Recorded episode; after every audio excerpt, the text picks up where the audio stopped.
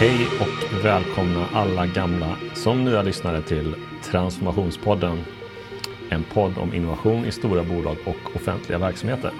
Jag heter Johan Lager och befinner mig idag hos Sobona på Södermalm i Stockholm i ett rum tillsammans med ett helt gäng med gäster. Eh, välkommen Kristina Kicki Hane, eh, Samira Lundqvist och Leif Renström. Ja. Kul att få sitta här måste jag säga eh, och hålla det här samtalet tillsammans med er på plats i era lokaler. Eh, bakgrunden till det här samtalet är ju att eh, vi har ju inlett ett samarbete sedan en liten tid tillbaka, mm. Sobona Hello Future.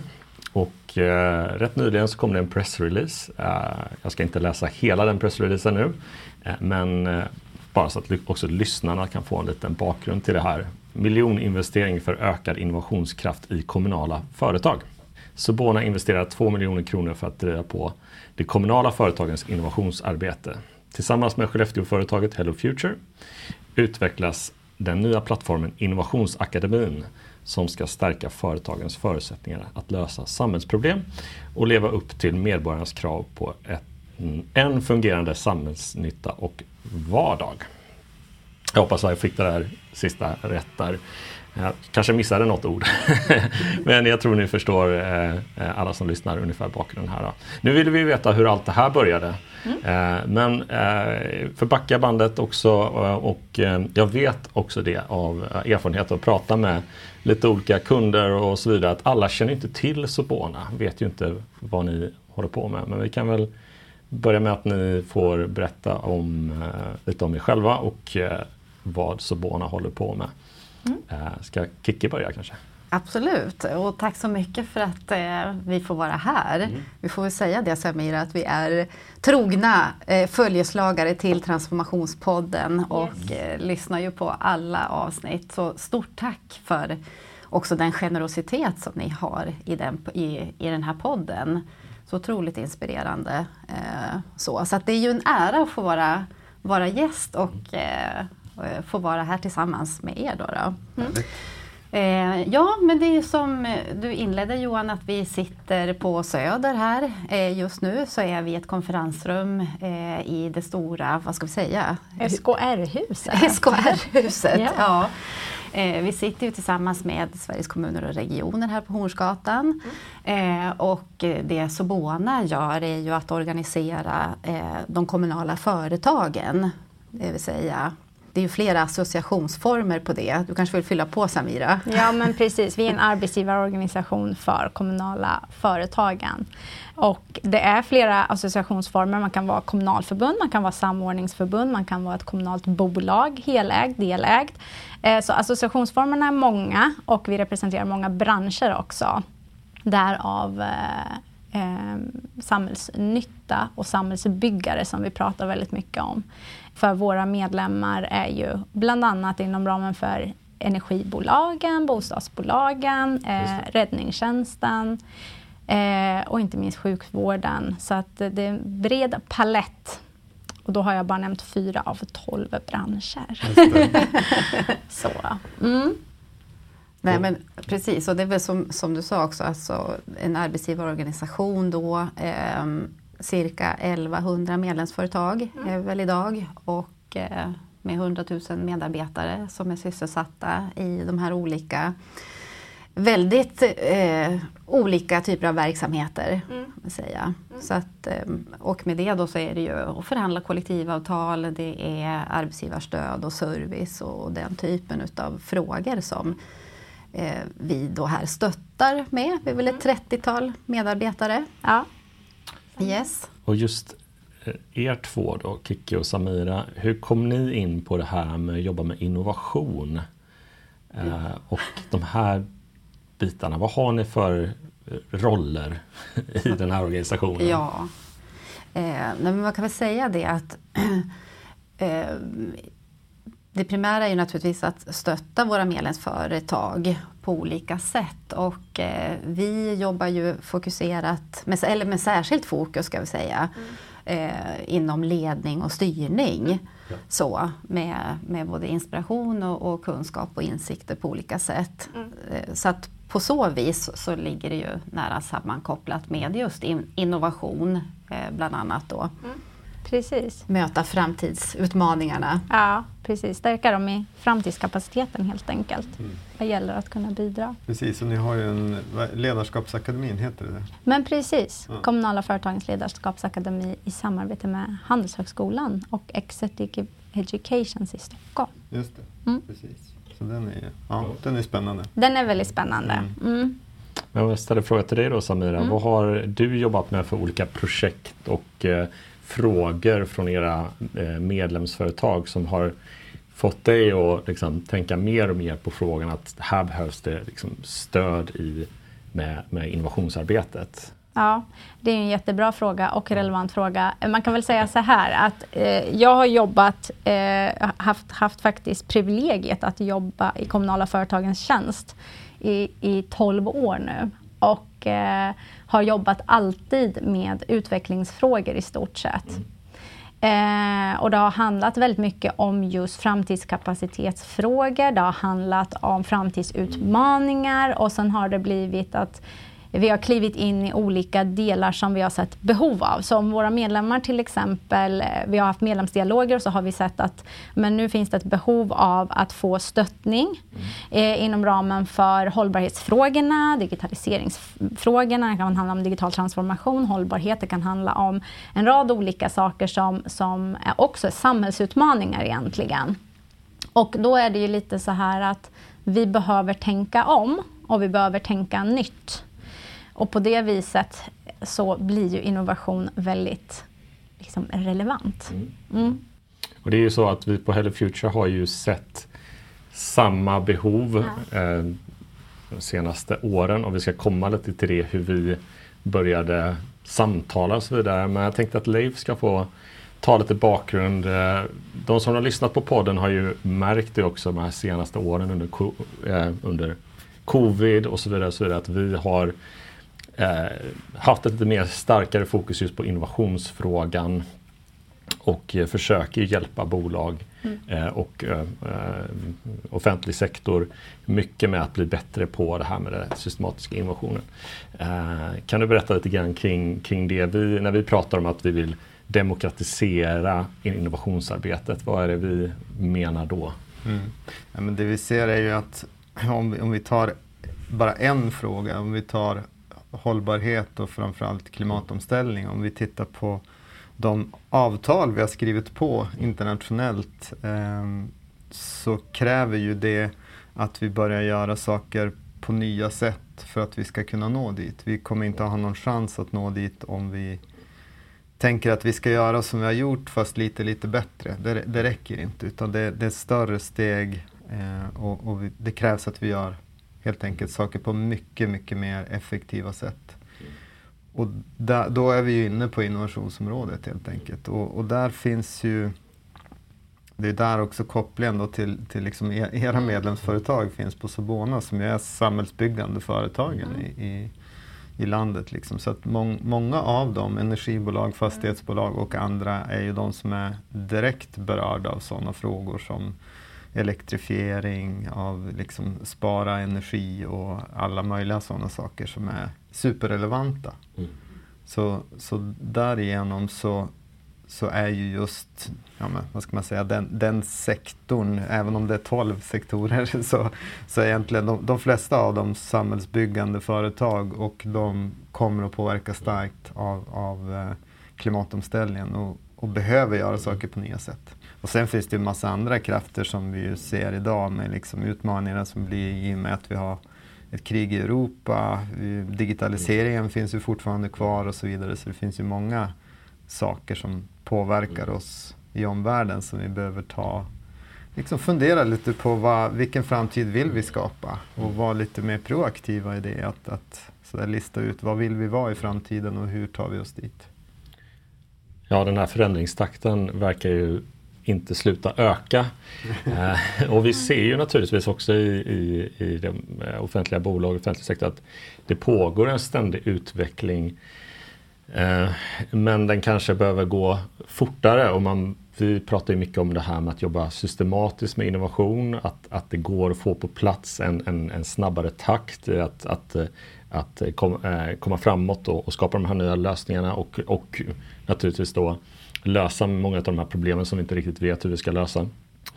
Eh, och vi nämner ju ofta den här ISO-standarden så att säga, som har gett det här ramverket till att vi faktiskt kan lite enklare faktiskt förklara hur, vad man behöver tänka på och hur man behöver göra. Mm.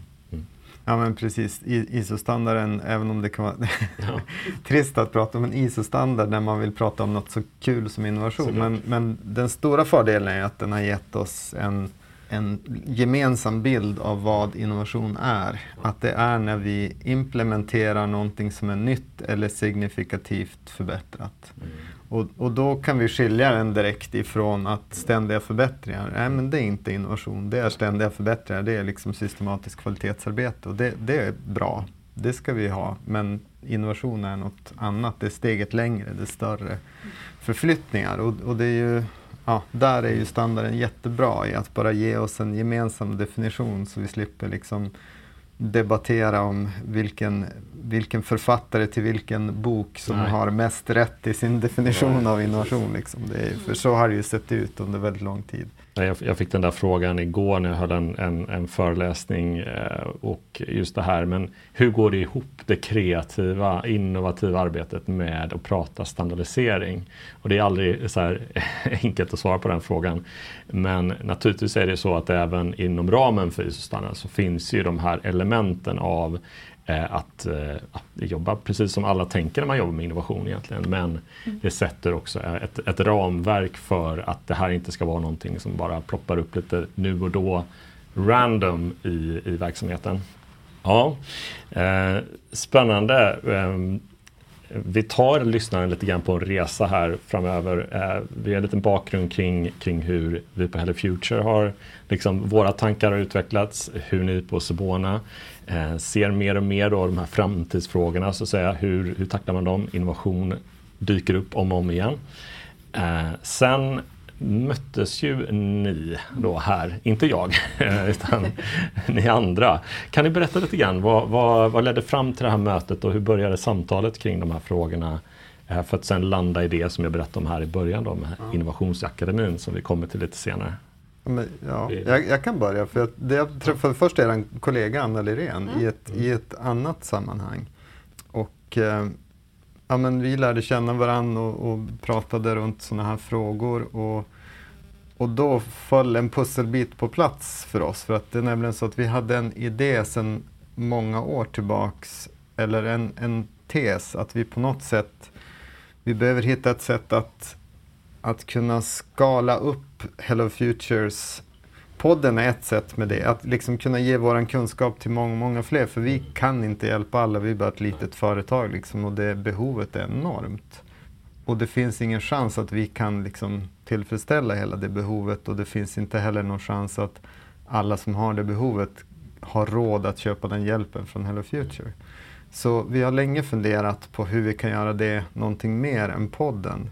Mm. Och när jag träffade Anna och, och lärde känna Sobona och förstod vad det var så, så såg vi direkt att okej, okay, här finns liksom 1100 bolag samlade som är just de här samhällsbyggande bolagen. Mm. Som är precis... De kommunala företagen. Precis, vi, ja. exakt med de kommunala, kommunala företagen. Vilket är många av de sektorerna som vi har liksom jobbat med under, under tio år. Så vi känner dem ganska väl och vet att det finns ett, ett stort behov där. Så det var det var så det började. Att då, då tog vi ett möte helt enkelt med, med ja vi var med allihop här va? Och plus Anna tror jag var med också i det tidiga. Och det var där, där startade det. Tankarna på det här, liksom, vad skulle det här kunna bli? Mm. Och det som jag tyckte var väldigt roligt i det mötet var väl att på något sätt se synken i vad vi ville uppnå att det fanns en synk, att vi ville uppnå samma sak. Vi ville stärka svensk innovationskraft. Mm. Vi, ville, vi ville ta om, omhänderta lika, likadana frågeställningar, problem som vi såg att man behövde omhänderta och vi såg båda att det här skulle vara vägen in eller är det enda sättet att mm. omhänderta det. Eh, så det var, ju, det var väldigt kul att, att, för det är det som på något sätt blir viktigt i ett samarbete. det är när man hittar synken och mm. ser att här går det att bygga ett team. Mm. Och vi pratar samma språk, vi vill samma saker. Eh, då, då, blir det, då blir det enkelt. Mm. Precis. Och sen var väl nästa steg i det här då också att se, eh, är det fler som delar våran bild? Ja. Eh, apropå då, eh, vi kanske återkommer till det, men, men eh, den förstudie som ja. vi ju egentligen mm. startade upp med tillsammans. Ja. Då. För att se vad, hur ser landskapet ut. Mm. Ja men exakt, för, för våran tes var ju då som jag lite grann pitchade mm. till er egentligen. Mm. Att eh, vi tror att någon typ av liksom digital lösning där man kan lära sig om innovation. Vi brukar prata om det som en, en receptbok för innovation skulle behövas. Och, och, vi tror att era medlemmar är precis i den målgruppen som skulle, skulle behöva det. Men som sagt, det var ju bara en tes. Vi visste inte. Mm. Vi var inte säkra på att det var så, även om vi var, var ganska liksom det, det fanns bevis som, som pekade på det, men, men vi fick ju starta med att faktiskt ta reda på om det var så. Ja, det var ett, ett synk i det här mötet. Vi förstod det. Här har vi, vi pratar samma språk, vill samma sak. Eh, vad började hända eh, hos Bona efter det här samtalet? Och vad, vad, hur började ni försöka förankra det här eller vad, mm. vad hände hos er? Berätta mer. Jo, men vi, vi eh, hade ju mycket interna samtal där vi var eh, upp, uppfyllda av, av det här, skulle man väl kunna säga. Eh, och eh, slog våra kloka huvuden ihop. Jag tror att det jag tror jag minns rätt, nu får ni rätta mig om jag har fel. men, men, men jag tror att det var väl då vi sa att låt oss liksom fundera lite på om vi ska ta reda på just det här behovet hos våra medlemmar. Mm. Finns behovet där? Har de liksom eh, sett att det här är någonting man behöver eh, stöttning i eller behöver kliva in i på ett annat sätt och, och så. Um, och det var ju det vi gjorde, mm. vilket ju var eh, fantastiskt roligt för att när vi skickade ut den här enkäten som vi började med faktiskt mm. ställa en rad frågor så fick jag ett, ett mejl av eh, Pia, vår administrativa chef, som, efter tre timmar som, som skrev Det är redan över hundra svar, vad ska jag göra nu? och, och, och, vi, liksom, och jag tror vi får ju liksom bra respons när vi har medlemsdialog men här var det ju off the chart. Det var ju helt galet på väldigt kort tid, väldigt mycket svar enorm engagemang, man ville vara med och man ville liksom vara med och bidra under arbetet också.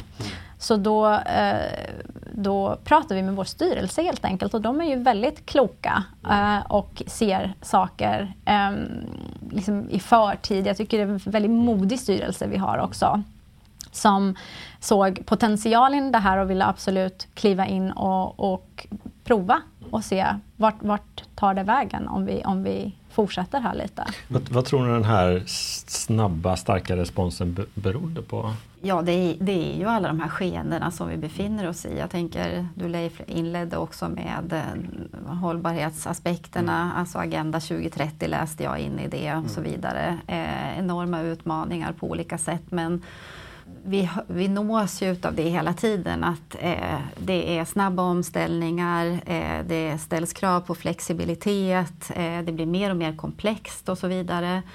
Eh, och någonstans i det här så eh, handlar det om liksom metoder och arbetssätt. Så mm. vart börjar vi och hur ska man ta sig an och så vidare. Det tror jag är upprinnelsen på något vis till att det är en ja, sense of urgency-fråga mm. på något sätt. Men man vet inte riktigt hur, eh, hur man ska börja. Precis, och det var ju, du sa det bra där Kicki med metoder och arbetssätt. För det var också något som jag tänker som, som vi såg var väldigt liksom, attraktivt hos er. Att ni jobbade mycket med den typen av frågor också. Att det var liksom eh, med Ledarskapsakademin och med annat och ni gjorde en utredning som jag var med i då runt digital transformation. Och det var mycket liksom hur ska en, en ledningsgrupp då exempelvis kunna ta sig an de här nya utmaningarna. Det var ju liksom mycket runt det ni redan var och jobbade med. Så det var också det som kändes att ja, men då, det känns ju vettigt att man då också jobbar med innovationsfrågan och får in den som en, en del i, i liksom hela den lösningen, hur man tar sig an det här, mm. att göra nytt. Så, så för oss kändes det väldigt naturligt att, att synka mer runt det. Ni började med en, en, en enkät. Vad, vad för typ av svar, vad, vad, vad blir det för bild av behoven eh, hos företagen? Är det något ni kan plocka ut några? Jag tänker också så här, om jag, tänker på det här begreppet också innovation. Mm. Många har väldigt olika syn på vad det är för någonting och vad det inte är och så vidare. Har ni varit tvungna att bli duktiga på att kommunicera och förklara? Eh, för att när vi börjar pra prata om en någon typ av digital plattform, någon typ av stöd. Men sen är det då, mm. liksom, okej okay, jag ska ha stöd i innovation. Vad, vad innebär det? Eller har det varit klart för Nej, men Jag tror att det är väl också det som framgick i vår förstudie, just det här att eh, det behövs också en gemensam eh, terminologi och ett språk så, för att man gör så mycket associationer till just begreppet innovation och, och mm. Jag tror att eh, man kan få hur många svar som helst på vad det är för någonting. Mm. Och, eh, så det, det, var ju någonting som märktes tydligt. Att alltså det handlar om att också få kunskap och ett språk mm. kring vad det här är för någonting. Precis, och, och, det var ganska tydligt att de, de allra flesta såg det här behovet av att jobba med metoder och arbetssätt för, för att skapa det här nya. Men man hade inte, som sagt, man hade inte språket och namnet på exakt vad det var. Man hade inte metodiken och man såg också att de försök man ju, hade gjort hittills hade ganska svårt att få fäste eh, för att det, liksom, det dagliga tog allt utrymme. Mm. Vilket ju är typiskt och då är vi inne på treboxmodellen ja, som ni, ni, också känner till väl. Eh, och, och det är ju det är ju ofta så det ser ut. Har man ingen jättebra metodik för framtidsarbetet så, så kommer ju det dagliga att äta upp det alltid. Mm. Liksom det, det finns ingen det finns nästan ingen, det enda sättet det kan funka annars det är om det finns någon galning i organisationen som mm. sätter sig och gör något på egen hand och liksom bara struntar i ja, alla, precis, alla precis gör revolt. Liksom. Och, och, det funkar ju ibland faktiskt. Det, det är så, ibland kan det vara så det går till. Men det är inte så man vill att det ska gå till. Alltså det är ju det att vi kan inte gambla på det om Nej. vi ska nå liksom Agenda 2030 och, och sustainable, sustainable Development Goals. De når vi aldrig på så sätt. Mm. Nej, som sagt, det finns ju många, många idéer ute där hur vi ska klara den här förändringen, hur vi ska göra den. Men att börja implementera de här idéerna mm. eh, tar lång tid, eh, kräver mycket resurser, eh, kräver då ny kunskap, nya verktyg, ny, eh, ny, nya metoder och man kanske inte har resurserna då att eh, ta in ett företag som exempelvis oss på Hello Future att jobba nära dem och eh, det förstår ju vi också försöka sprida det här på ett annat sätt och, och se hur det kan hjälpa och stötta dem. Eh, spännande. Vi är inne lite där på hur det började. Jag var ju också med i början där när vi skulle börja få ihop en projektgrupp och, och jobba med det här. Vi skickade ut, vi fick de här enkätsvaren, vi gjorde en, en sammanställning av, av dem och såg de här mönstren som, som eh, Leif är inne på. Hur var det att börja jobba med oss? I det här. Henke skrattar lite Ja, jag skrattar. Nej, men, eh, jo, för att på något vis, det här blir ju också ett lärande för oss naturligtvis. Mm. Och, och det, det, ska vi inte sticka under stolen med att vi också pratar om det här med snabba omställningar och, och vikten av att vi ska bli mer agila. Alltså, det är ju på alla släppar mer eller mindre. Mm. Eh, så för egen del så var det ju att gå på något vis för första gången måste jag säga från ord till handling och testa det här. Mm. Eh, och, eh, så att i början tyckte jag nog att det var mer liksom ha, halleluja så. Mm. Men sen så har vi ju, det är ju en process som, som vi också har haft mm. där vi ju faktiskt har anammat det arbetssättet när vi eh, nu jobbar med plattformen eller kunskapsplattformen. Mm. Så att eh, eh, otroligt lärorikt och vi, vi, har ju väldigt roligt på våra möten också. Ja. Och jag ska säga så här också, det som har betytt väldigt mycket för mig är ju hur man snabbt, eller hur vi egentligen snabbt också har byggt upp en tillit mm. eh, i vårt samarbete. Och, och eh, vad viktigt och betydelsefullt det är för att våga säga ja, men, eh, tokiga saker eller man kan få någon idé sådär där vi sitter i möte och så vidare. Så det tycker jag är, mm. är någonting som Och det är också ganska coolt att vi har gjort det. Det här är första gången vi ses. Ja. I, i, alltså rent fysiskt så. Vi har bara setts digitalt. Det tänkte jag på igår. Att jag Mm. hade ingen tanke på det egentligen, att vi inte hade träffats rent fysiskt. Men jag var med på något möte där i, i början då vi, och jag kan säga det att den här processen som vi påbörjar för att utveckla det här är ju, vi jobbar ju med den här typen av innovationsmetodik liksom för att ta- ta fram, vi måste ju leva som vi lär naturligtvis. Eh, och vi drog in er i, i, i den, hur vi jobbar på Hello Future och man kan ju göra på, på, på olika sätt. Eh, och, och som Leif är inne på, vi gör ju mycket bara rent digitalt, vi distribuerar det också i vårt team. Och eh, det var något möte där i början där eh, Kiki, du sa liksom nu stopp, stopp och belägg här. Nu, nu måste ni bara, eh, nu bara flyger det omkring med. Och jag vet, det var en kollega, jag tror Kalle var med mig i det mötet också. Och vi fick eh, ta resten av mötet där och bara liksom tracka igenom igen. Det här, nu outar inte jag dig så här specifikt men, men jag kan förstå hur det eh, jag hur det kan kännas ibland också. Man kommer in i den väldigt osäkra processen där eh, Kalle och Leif kanske säger ja men det kan vi inte svara på just nu för att nu måste vi, Det nu ska vi se hur, hur nästa del blir här. Innan vi har vi första här då kan vi fatta beslut om det. Och det, det, det är lite, det är lite krävande eh, även om det är också kul. Mm. Ja men precis, jag tror att vi, de flesta av oss är, vi är ju mer vana och förtrogna med att jobba med de här ständiga förbättringarna och då har vi liksom en tydlig bild av vad det är vi ska uppnå för någonting.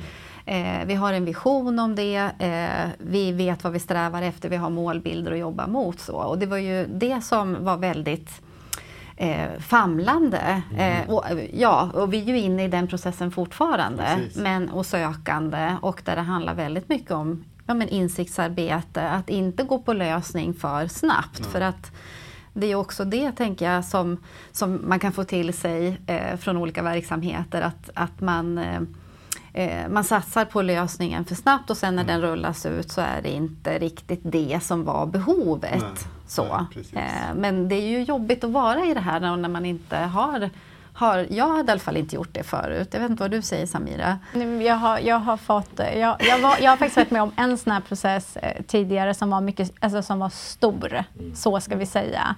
Ehm, men men jag, jag har nog tyckt att det har varit väldigt roligt och lärorikt framför allt.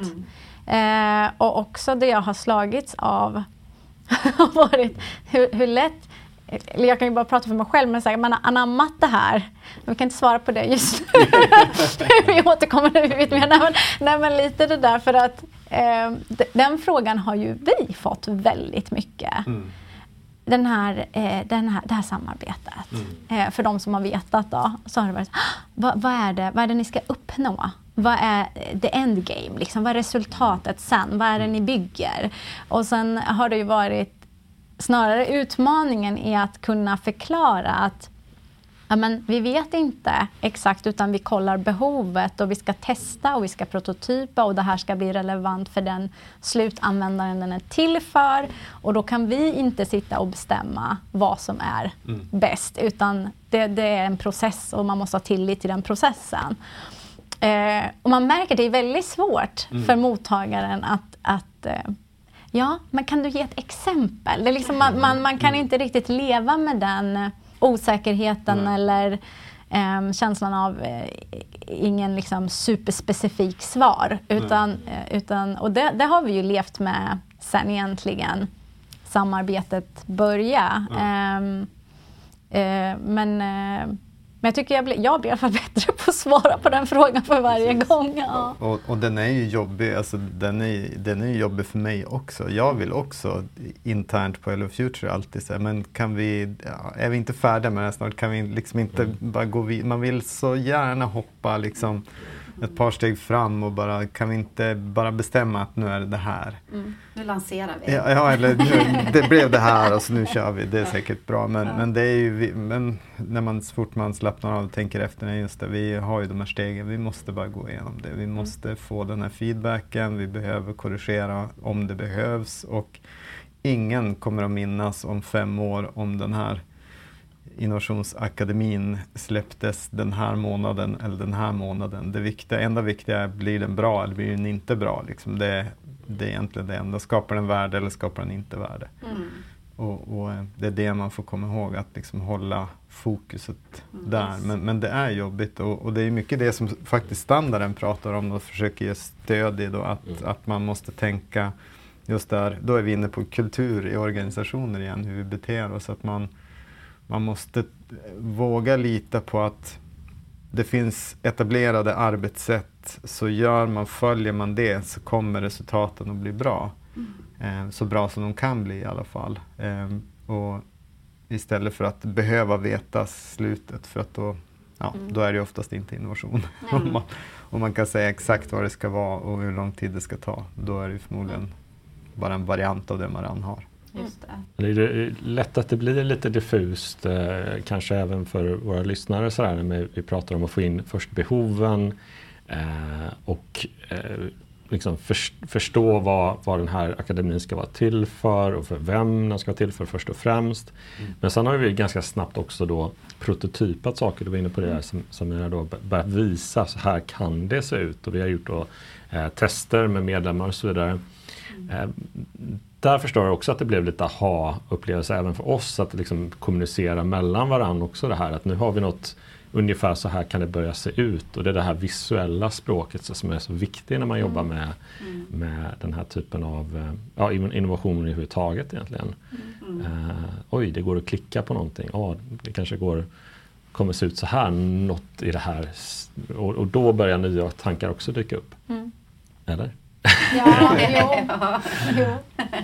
Nej, men jag vet att, eh, att det också varit eh, väldigt tacksamt för er när ni har börjat se saker Ja. formas liksom, Jo. från våra designers och sådär och se också hur responsen har varit på det. För vi, det är ju liksom verkligen tidiga skisser som vi Ja. också har låtit de medlemmar eh, liksom reagera på eller klicka Mm. på och så vidare för Mm. att så se hur det här ska utvecklas. Ja, men jag tänker precis, just att jobba med prototyping är ju, är ju väldigt effektivt och ni har ju båda testat, liksom, Ja. varit med i användartester.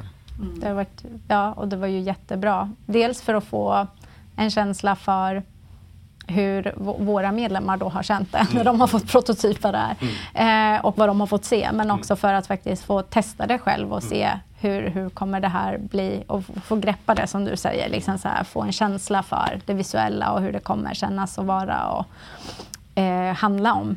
Men, eh, men jag tycker också nu när vi pratar måste jag bara säga en reflektion i att man man vänjer sig ju förvånansvärt fort vid den här typen av process. Så att i början är det svårt att ta svaren. Sen är det lite så här, man har tillit till processen. Sen, och sen när prototypen kommer så vet man att ja, det kanske kommer se ut så här, det kanske kommer förändras lite. Man liksom kommer igång med det på något sätt, att det, det är så här. Och det är okej, för det är så det ska vara om det ska bli bra.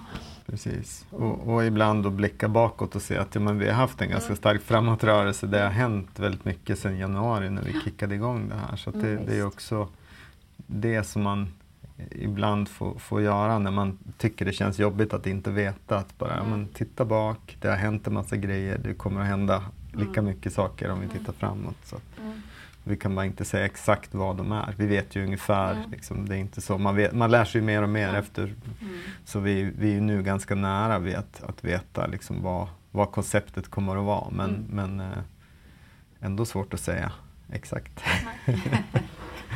Jag vet inte hur mycket ni vill prata om liksom förankringen också då med, eh, med eh, styrelsen i det här Mm. också. Få, få okej och få liksom eh, börja, jag vet vi var inne på tidigare också pratat om att det var lite som att eh, gå till eh, draknästet och liksom försöka motivera någonting som inte har exakt data på. Ja, samtidigt så måste jag säga att jag tyckte det var vi har, som sagt, vi har en väldigt modig styrelse som också är väldigt kloka. De är väldigt lätt att prata med och man har väldigt lätt att resonera tillsammans. Eh, och det som jag tyckte var väldigt roligt var att just det styrelsemötet då vi skulle ta upp det här som en punkt så var det en av styrelsemedlemmarna som sa en innovationsakademi kanske vi skulle satsa på. Och det här var alltså innan punkten ens kom upp och man visste vad det handlade om. Så att de är ju redan där själva ganska mycket och eh, det tycker jag är jätteroligt. Eh, så då drog vi den här punkten och då ville man ju liksom ta reda på behovet, vilket jag tycker är klokt. För det var ju då vi också landade i att men ska vi ta och göra en check på Är alla med? Är det här en intressant fråga? Eh, finns det ett behov av det här överhuvudtaget? Eller är det någonting vi sitter och gissar till att det finns? Um, så när vi gjorde det så ville man ju ta nästa steg sen. Så att vi gjorde det ju som en tvåstegsraket kan man säga. Där vi liksom först tog, reda på behoven och hur, hur det skulle kunna komma eh, att se ut eventuellt, åt vilket håll åtminstone. Och sen när det var bevisat att ja, men, det finns ett jättestort behov och ett jättestort intresse, då gick man ju in och investerade liksom fullt ut för att vi skulle kunna också bygga det. Så att det var ju också ett sätt att egentligen prototypa idén. Testa idén lite och se, håller den? Ja, den håller bra, då kör vi liksom. Så det är väldigt klokt sätt att jobba på. Ja, men det är ett jättebra sätt att jobba på. Det är ju, inom startup-världen kallar man det tiered funding. Att mm. man gör liksom, okej, okay, nu har vi en hypotes, då har man en finansiering för att bevisa den hypotesen mm. och sen tar man nästa hypotes. Och, så. Mm. och det är ja, jättebra sätt att jobba faktiskt. Mm. Jag, jag tror ju också starkt såklart på det här också med receptboken som, som du beskriver eller mm. använder det begreppet då. För att Eh, också från att ha jobbat ute i flera, flera kommuner har jag gjort, eh, så vet jag ju också liksom hur eh, vilket, vilket tempo det är i vardagen och hur svårt det är att få tiden att räcka till. Och jag tror att det är ju också någonting som många utav våra medlemsföretag och andra där ute brottas med. Att hur ska man liksom samtidigt som man ska klara det löpande och det dagliga, eh, så, servicen och de tjänsterna som man ska tillhandahålla. Och samtidigt då jobba också med ständiga förbättringar men också börja då innovera. Mm. Eh, alltså så att, och då tänker jag just att okej, okay, det, här, det här kan ju vara ett sätt Eh, nu ska jag inte gå lösningen i förväg då, men om man tänker sig att det också eh, blir tidseffektivt på något vis mm. och lättillgängligt för när man behöver det. Ja, Blev det begripligt? Absolut. Ja. I alla fall för oss som vet ja. Ja, men jag, jag, jag sitter och funderar på det nu. Alltså det är klart eh, en innovationsakademi, jättebra idé, fyller ett visst behov. Mm. Eh, och sen okej, okay, är det inte bara att bygga den då och sen lansera den så har alla. Eh, utan vi vill ju verkligen bygga någonting som skapar det här värdet. Mm. Eh, och det är ju en utmaning, det är ett utforskande. För att vi vet ju också av många sådana här typer av idéer på digitala plattformar. Jag vet en före detta poddgäst som, eh, som jag pratar med som är då också en, en, av, medlem, en, en av medlemsföretagen som sa det att eh, Nämn inte ordet digital plattform för innovation för det, mm. då, är jag inte, då är jag inte med på banan här. Eh, för det, är, det, det är mycket, det har, det har snackats mycket om plattformar mm. eh, och eh, även då med, med, offentliga medel att, att, finansiera och sen så står de tomma och ingen använder dem. Mm. Det är plattformar för att koppla ihop forskare med företag och mm det ena med det tredje. Eh, och det är ju verkligen där vi inte vill hamna. Mm. Att, vi, att vi skapar någonting som ser bra ut på ytan, eh, som har en massa innehåll och massa verktyg, men som eh, inte kommer användas. Vad har vi för utmaningar framför oss då. Att, att det här ska vara någonting som faktiskt... Eh, för vi sitter ju här och vi är ju mm. liksom, det är som att predika för kören nu. Mm. Att den här plattformen ska bli bra och att vi kommer lyckas. Men vad, vad, vad, ser vi för, för orosmoln kanske över att ja, men nu, nu investerar vi två miljoner, eh, vi bygger den här plattformen, eh, hur ska vi få fart? Vi, vi, kan ju berätta kanske lite mer så att alla lyssnare förstår vad, vad är det vi håller på med. För vi, vi vet ju så mycket runt det här bordet så jag tänker att Absolut. det är kanske självklart för oss. Men, men det, det vi försöker då åstadkomma är ju en, som sagt en, en digital innovationsakademi som sagt som ska innehålla egentligen all den kunskap som vi på Hello Future har byggt upp under 12 år av praktiskt innovationsarbete. Alltså hur gör man det här innovationsarbetet på ett effektivt sätt med så moderna metoder som möjligt. Um, och att man då får det genom en videobaserad kunskapsplattform där man får både kunskap, uppgifter, mallar, man får både träna och få förbereda sig för att göra det här jobbet i sin organisation. Och som sagt, vi brukar prata om det som en receptbok, att man, man kanske går matlagningskurser och blir inspirerad och, och lär sig liksom mm. grunder, men sen när man står där framför spisen och ska göra göra middag till tio pers så kanske man behöver en, en, Mm.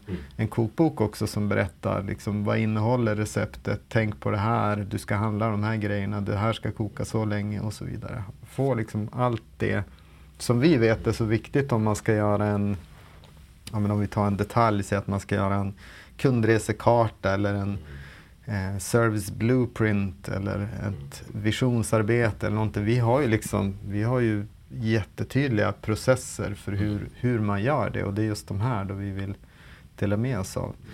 Men med det sagt så finns det ju inga garantier för att, att, det är liksom, att det blir så bra och värdefullt så att man vill använda det i sin vardag. Men visionen från vår sida är ju att man ska liksom man ska vilja ha öppet sin e-post, sin kalender och den här. det, är liksom, det är den tredje grejen man ska vilja ha.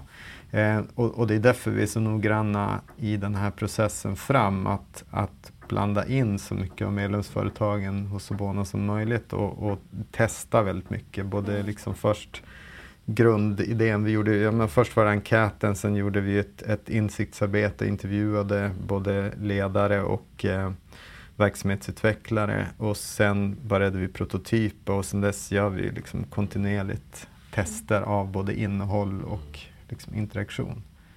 Eh, men vi vet ju också att det är ju först när den här lanseras och möter verkligheten på riktigt, det är då det stora jobbet börjar.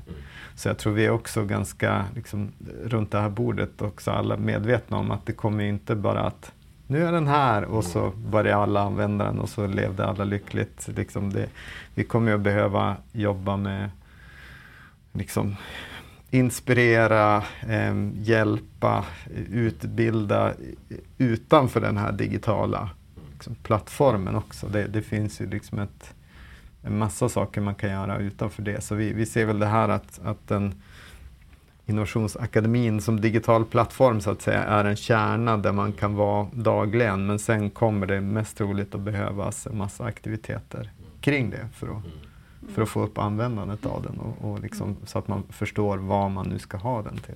Det kommer inte bara hända på en gång. Det, det, tror jag inte. Vad har ni för kommentarer eller tankar? När ni...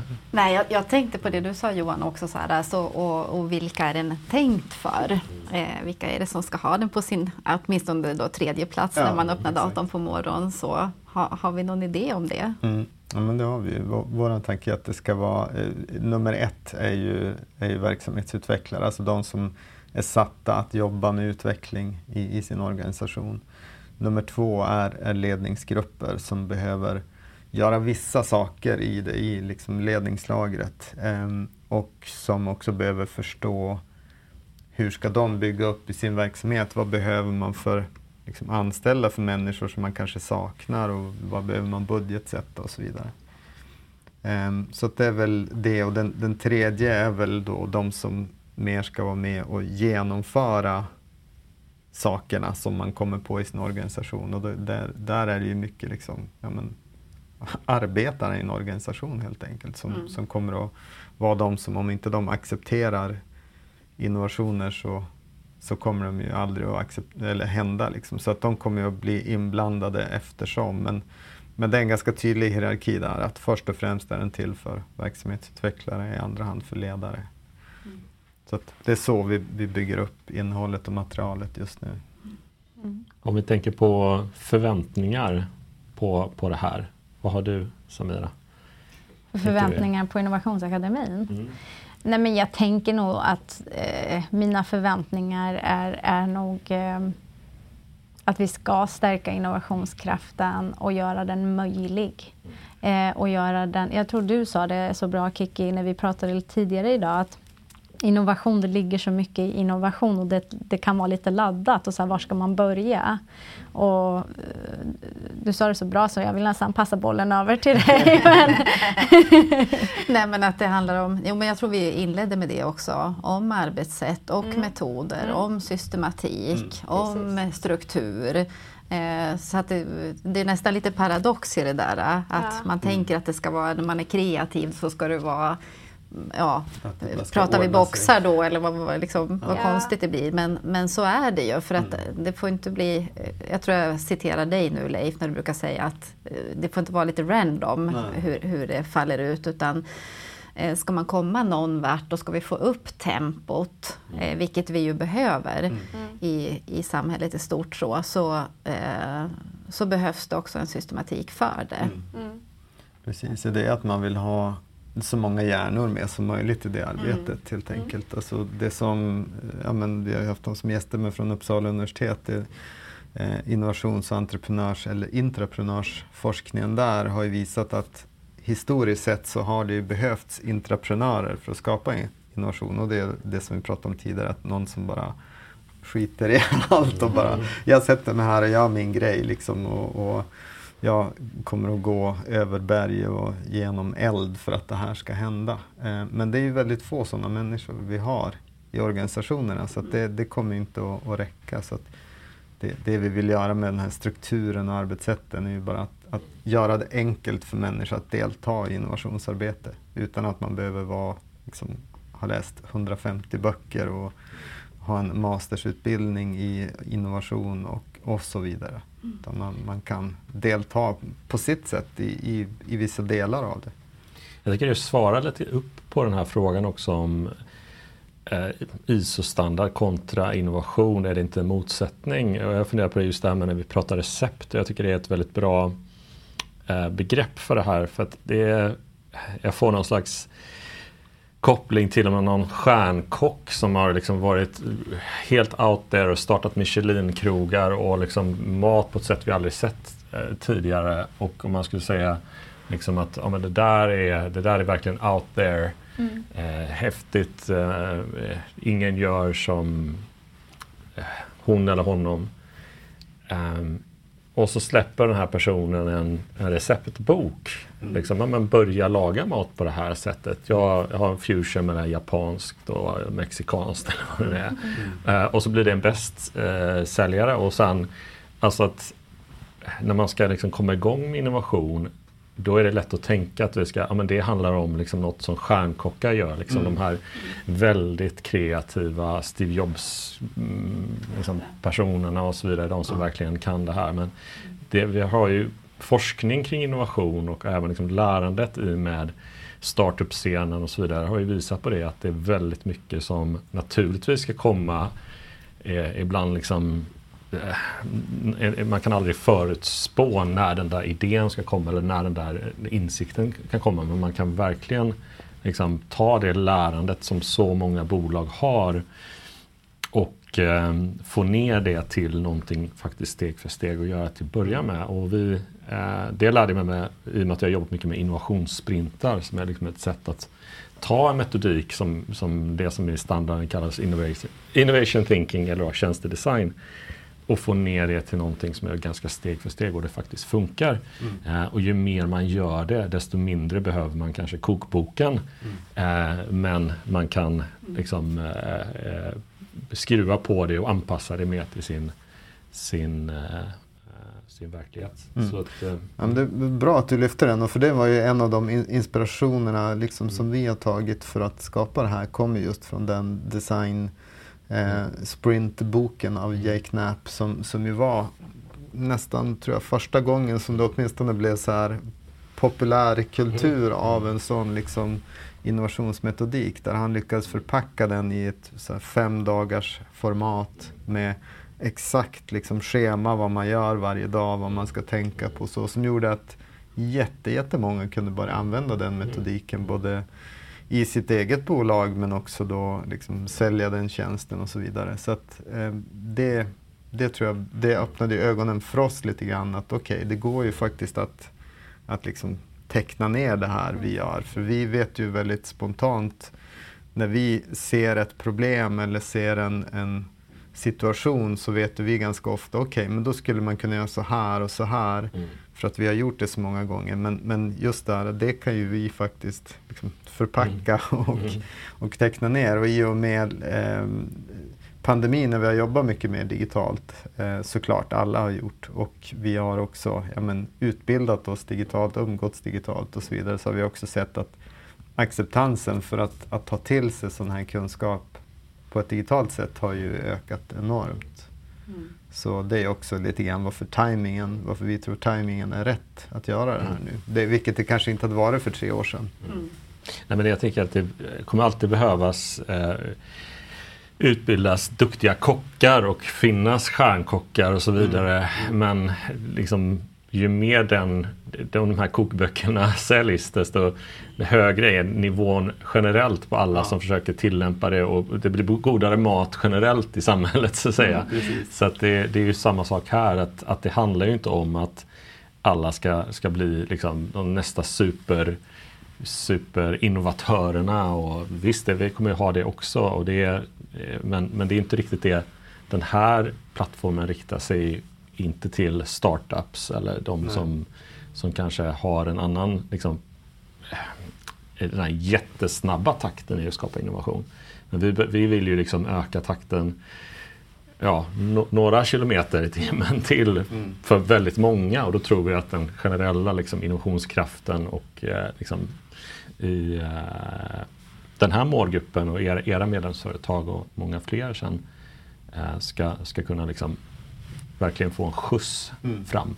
Så det är en pusselbit av många för, ja, att, för att innovation ska hända. Ja, ja, precis. Och få kanske den här tryggheten i att man, man vågar ställa mm. frågan, liksom, inte hur kan vi göra det här lite bättre utan istället hur skulle vi kunna göra det här på ett helt nytt sätt? Mm. För det, det, är lite grann det som är nyckeln om, om vi ska nå eh, Agenda 2030. Mm. Då, då måste vi göra massa saker på helt nya sätt.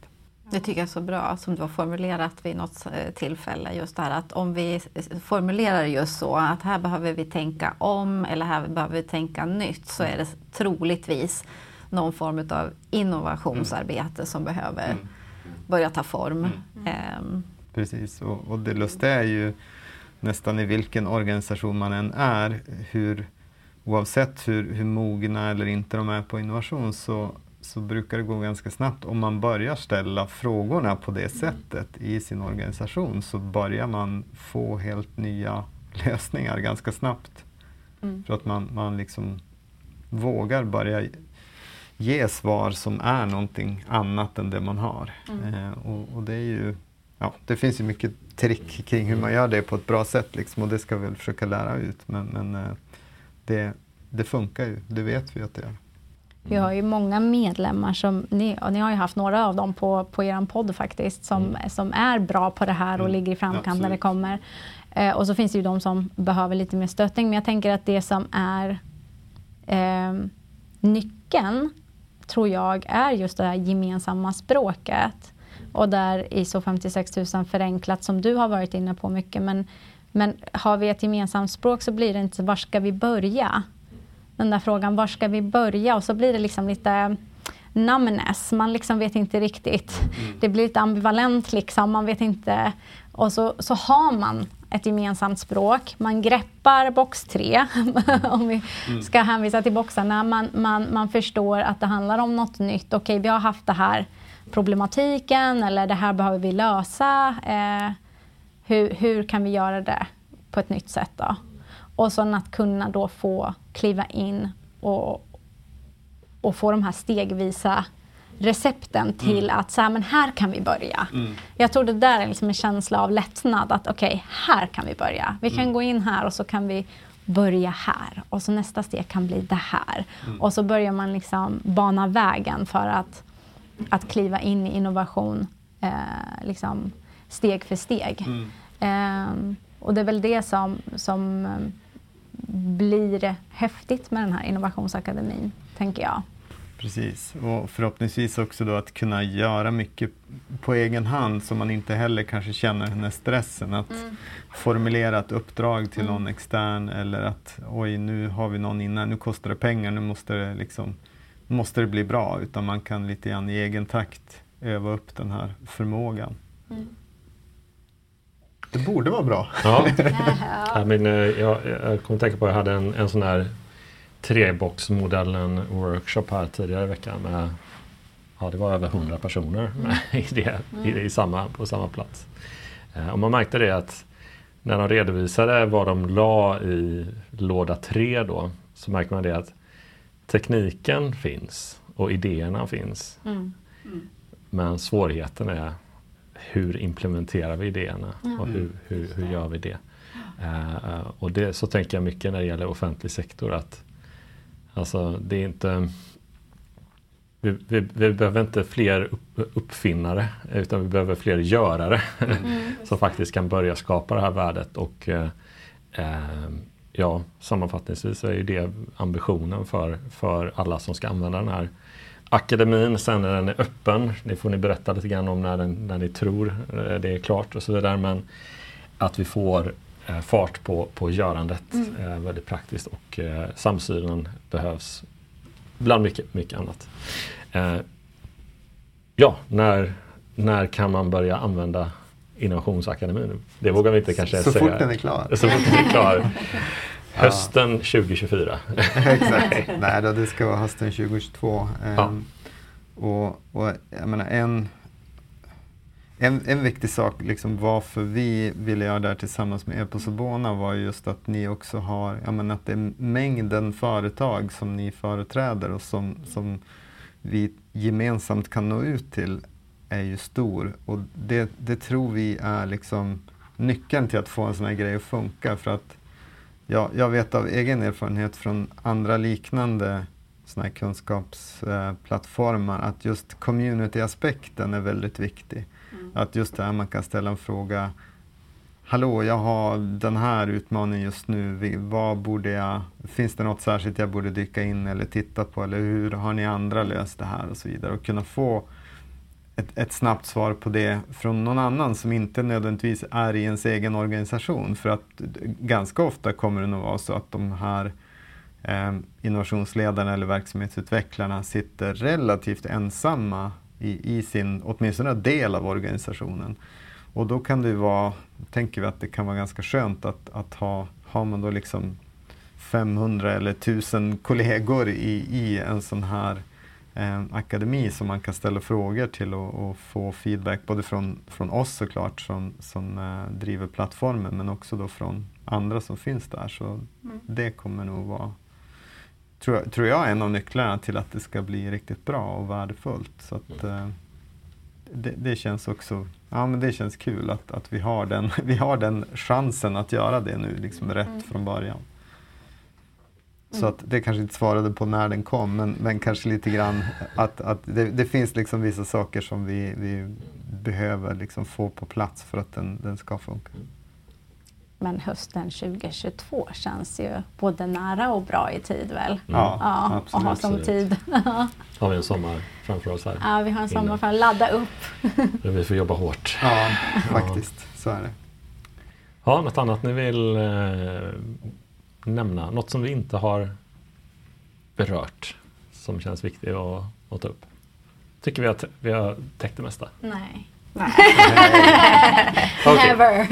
Det finns massor. det finns massor. Nej, men vi kan väl bara berätta lite kort om, för, för du nämnde varför ni ville jobba med oss. Vi vill mm. jobba med er för att, för det här har ju varit liksom, jag tror så här, även om vi kanske inte hade eh, korsat väg så mm. skulle mm. vi förr eller senare kliva in i den här frågan. Mm. Men varför vi tyckte att det var väldigt roligt att få jobba med er var ju dels för att ni har en sån gedigen erfarenhet. Vi har ju som sagt varit trogna eh, Transformationspodden länge och lärt känna er också eh, via den vägen. Mm. Men eh, ni sitter på know-howen och ni sitter på, på kompetensen men också det här liret som vi pratade om, att det finns en, ett gemensamt sätt vi båda har. Mm. Ett mål och en vision och en intention som vi har som matchar väldigt bra. Men det jag tycker också är väldigt roligt var när vi faktiskt pratade om ert interna team, hur ni har riggat upp internt på ett sätt som är väldigt, väldigt starkt. Eh, för till skillnad från många så har ju ni faktiskt hela er tech eh, team mm. inhouse, mm. vilket är oerhört starkt kan inte ni bara berätta lite om det? För det är så himla häftigt och jag är så imponerad av, av den uppriggningen ni har. Mm. Ja, absolut. Och, och det, det, här går tillbaks till starten av Hello Future eh, från 2008 till 2010 då egentligen kärnan tog, tog, eh, togs fram till Hello Future. Och, och det startade med en, eh, en mjukvaruutvecklare, en designer och, och jag som affärsutvecklare eller ledare, strateg, någonting sånt. Så vi, vi startade liksom med det här med, med tech, design och eh, strategi som, som kärnan i Hello Future. Och sen har vi liksom byggt ut det där men alltid hållit den, den kärnan intakt för att det, det är så vi, vi anser att det är svårt att jobba med, med strategi och innovation om man inte har den liksom mjukvaru och digitaliseringsskillen eftersom så mycket i, i vårt liksom det utvecklingsarbete och utmaningar som har funnits har varit just digitalisering.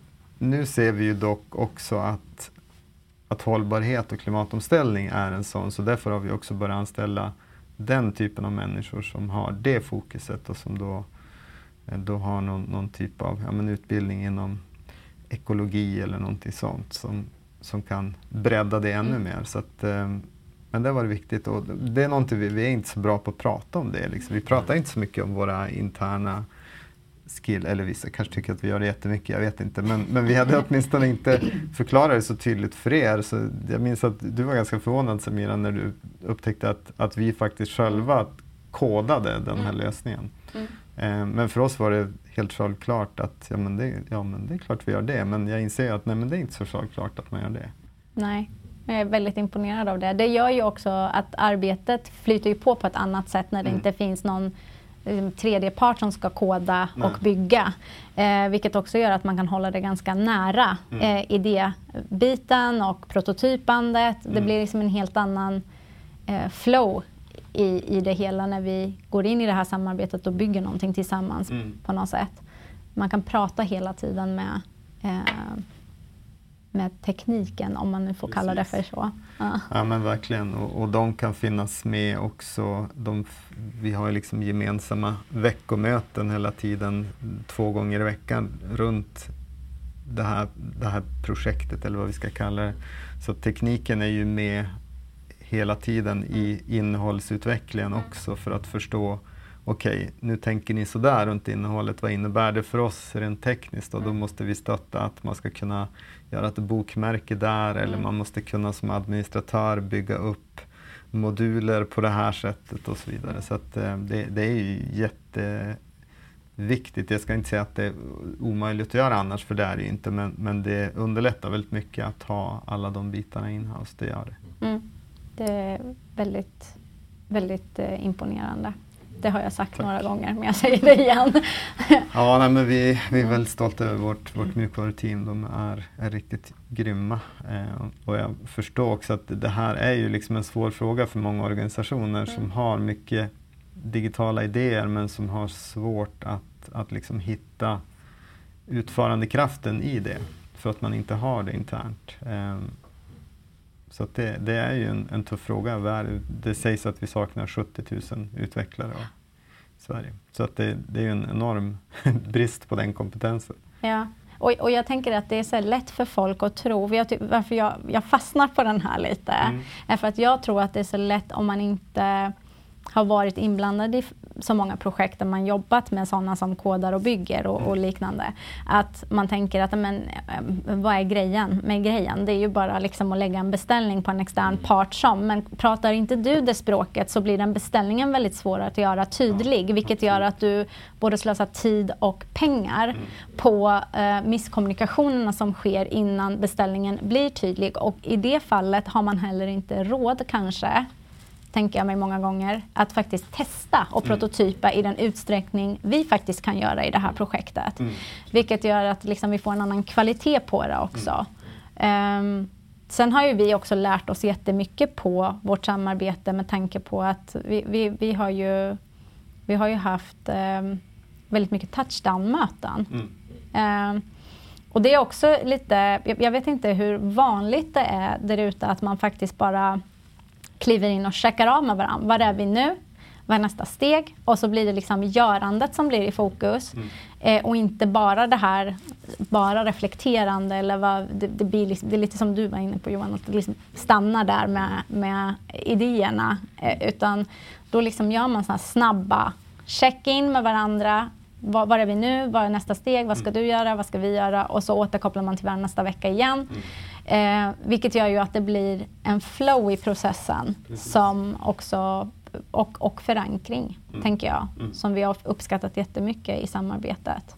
Precis, och det är ju så vi försöker jobba. Det, det är det som är att jobba agilt för oss. Alltså, man behöver inte ha något namn på metoden egentligen, utan det är bara det här att hela tiden, varje vecka, synka sig så mycket som möjligt, så brett som möjligt, så att alla ser lika tydligt vart man är, vart man ska, liksom hålla upp energi och peppen. Eh, jag såg en bra artikel om det här i veckan, eller det kanske inte ens var en artikel, det var en tweet, en, en serie tweets från eh, någon från Apple som, som var med och, och byggde eh, iPhonen.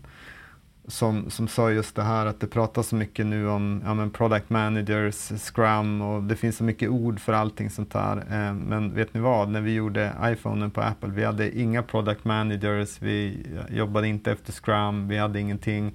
Men vi hade veckovisa synkmöten där alla över avdelningar träffades, diskuterade, stötte, blötte eh, och synkade oss runt liksom, vart vi var. Intelligence helt enkelt. För att alla skulle kunna ta så mycket bra beslut som möjligt under veckan till nästa gång man sågs. Och vi, vi har länge sett att det, det är för oss ett jättebra sätt att jobba. Så att så fort vi har ett projekt som pågår mer än någon månad så då försöker vi att sätta upp sådana veckovisa möten hela tiden. För att, Pulsmöten. Ja, Pulsmöten, precis. Exakt, hur vi kallar dem pulsmöten. För då, då behöver man, och de är ju väldigt enkla, det är lite så här, okej vad har hänt sen sist, vad har vi för fokus här framåt och övriga frågor. Typ. Alltså det, man behöver inte ha så, det är inte så viktigt att mötet i sig är bra. Det viktiga är att man hela tiden har möten. Eh, och det går ju emot det som många har läst och hört om att vi ska inte ha så mycket möten och möten måste vara bra. Men just när man gör den här typen av projekt där det är osäkerhet och man, man måste korrigera hela tiden, då är det så viktigt att ha de här. För att möts man var tredje månad, då har det hänt för mycket grejer. Liksom. Då, då, då blir det för långsamt. Utan man, man behöver ha ett högt tempo i den här, en bra puls helt enkelt. Ja. Nej, men de puls, pulserna jag har i mina projekt de är mellan 15 minuter till 30 minuter och har ingen agenda ens. Utan de, och har man dem regelbundet så tar det bort väldigt mycket annat och så kan man föra dialog via andra, andra alltså skriva när folk behöver hjälp och så vidare. Eh, Det är faktiskt ett sätt som funkar väldigt bra. Ja, vi kan säkert grotta ner ännu mer i processen. Jag har ju Eh, hoppas kunna göra ett, ett avsnitt när vi, eh, teamet på Hello Future, eh, kan berätta lite grann om hur vi jobbar eh, i steg för steg sådär. Kommer här om ett par veckor. Eh, och kanske vi skulle göra ett poddavsnitt där vi faktiskt berättar lite grann hur vi har jobbat just med den här plattformen. Eh, med, mm, som, sagt var med utvecklare och researchers och allt sånt där. Kanske en spännande Ja, follow-up faktiskt. För det, är ju det det är ju en jätteutmaning för oss att jobba med, med det här projektet. För vi, det är både teknik, det är eh, design, men det är också oerhört mycket innehåll. Alltså kunskapsinnehållet är ju centralt. Så att det finns en tredje dimension som man inte alltid är van vid. Alltså man är van vid liksom mer, vad ska man säga, applikationer där det är gränssnitt och teknik som är, och det är nog svårt det.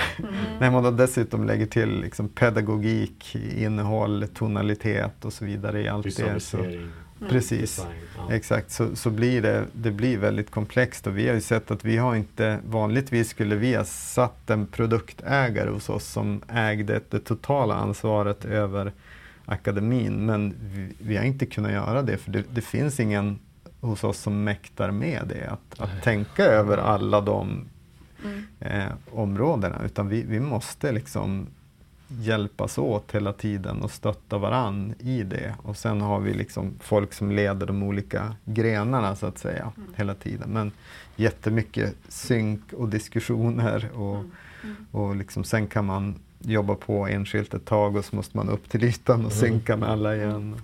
Så att, eh, ja, det är spännande. Jag tänker att det kan vara en bra, bra att kika lite på det. Ett, ett väldigt utmanande projekt. Vi har ju lärt oss väldigt mycket bara på våra synkmöten, tänker jag, också utifrån hur ni lägger upp era arbetssätt. det vi har försökt att integrera lite här, här mm. hemma.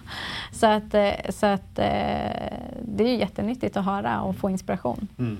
Jag tänker också att jag lägger till det så här nu att nu kanske vi är pandemitrötta och allt vad, vad det innebar för oss och i våra verksamheter på olika sätt. Men jag tror ju, jag föreställer mig att just det här takt och tempot blev ju ett resultat utav att vi faktiskt hamnade i ett sådant krisläge. Mm. Eh, jag själv satt i sådana eh, ja, vi hade liksom operativa samordningsmöten egentligen för att också lösa, lösa uppgifter eh, och stämma av utifrån massa olika perspektiv och eh, utifrån olika verksamheter. Så, så att det borde vara också ett arbetssätt som ligger rätt nära i minnet. Mm. Nu kanske de har glesat ut då, då, föreställer vi oss, men det var ju nyss. Mm. Så att arbetssättet har vi fått känna på på ett mm. tydligt sätt mm. också inom vår värld, kommunala sektorn, mm. kommunala företag. Mm. mm. Ja men precis, och det har man ju verkligen sett under pandemin att när det har bränt till och verkligen behövt lösas så har det ju ofta lösts, alltså mm. om man tittar inom sjukvård och annat. Dock är det ju kanske inte alltid med hjälp av liksom ledning och struktur utan det är snarare kanske på sidan av trots den struktur man har haft som man har löst det. Och, och det kan man ju tänka fundera lite över att det borde, borde snarare vara så att de strukturer vi har hjälper oss vid sådana kriser och, och mm. att det finns ett ja men okej, okay, då tar vi bort de här jobbiga grejerna och så fokuserar vi på de här, liksom, nu måste vi sn vara snabbfotade snarare än, än liksom administrativa eller vad det då kan vara. Um, men här har man kanske då under pandemin var man tvungen att göra det lite grann under radarn bara för att få det att funka. Liksom. Det ligger, finns det folk som är sjuka på en, på en akutavdelning så är det bara, det är bara att lösa det. Liksom. Det går inget annat. Så att, uh, ja, jag tror att det, som sagt, hoppas att det finns i, i minnet att vi kan generellt bli bättre. Men det är mycket runt det där igen. Metoder för hur man leder mm. och organiserar arbete i organisationerna. Det, det har ju hänt jättemycket. Eh, det finns jättemycket kunskap runt det men som inte är så spridd, konstigt nog. Mm. Det är på något sätt så lätt att säga att ja, men, försöka få strukturen att lösa lösa problemen snarare än att få människorna att lösa problemen. Alltså att man bygger organisationer som är struktur och policies och så tror man att det är det som på något sätt ska göra det när det i själva verket oftast är, är människorna. Om man enablar människorna, gör humanistiska organisationer så kommer människorna att lösa fantastiskt mycket eh, utan att ha en policy som berättar exakt vad de ska göra i vilket sammanhang. Mm. Eh, så att enabla människor är bra. Ja, kanske vi gled in på en lite sidospår, men jag tänker ja. det är lite grann sånt också Absolut. som vi säkert kommer att behöva komma in på i, i akademin ja. också. Alltså hur moderna arbetssätt för att jobba snabbt och, och jobba med, med utveckling. För vi kan ju inte göra allt det vi gör på samma sätt och så lägga jättemycket tid också på att utveckla nya. Alltså det kommer inte att finnas tid för det utan vi måste också effektivisera nuvarande arbetssätt så vi får tid över att göra det nya. Mm. Annars, blir det, annars blir det svårt. Mm. Bra, vi har eh, fått ett eh, härligt sam samtal eh, och eh, en fördjupning i vad, vad det är vi vill åstadkomma och varför.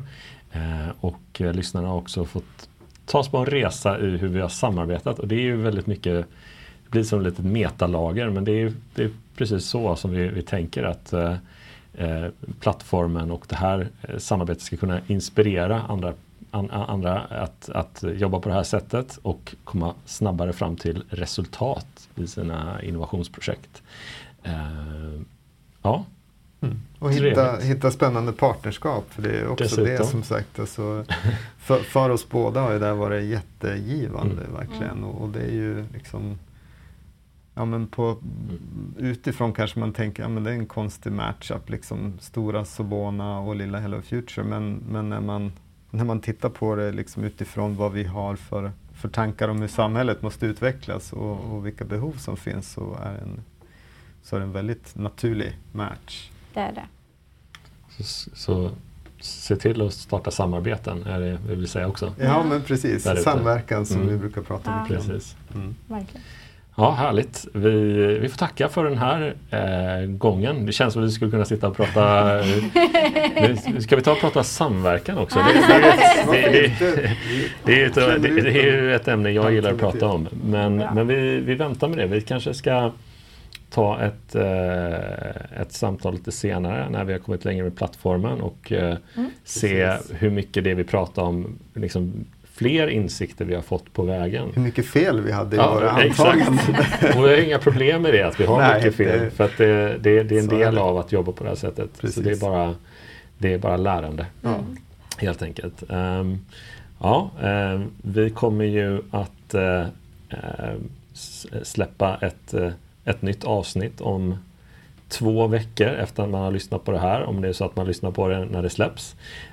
och då hörs vi igen helt enkelt. Eh, eh, ja, tack för oss för den här gången och eh, roligt att få prata med Kiki och Samira. Verkligen. Tack, tack. tack så mycket. Ja. Hej då. Hej då.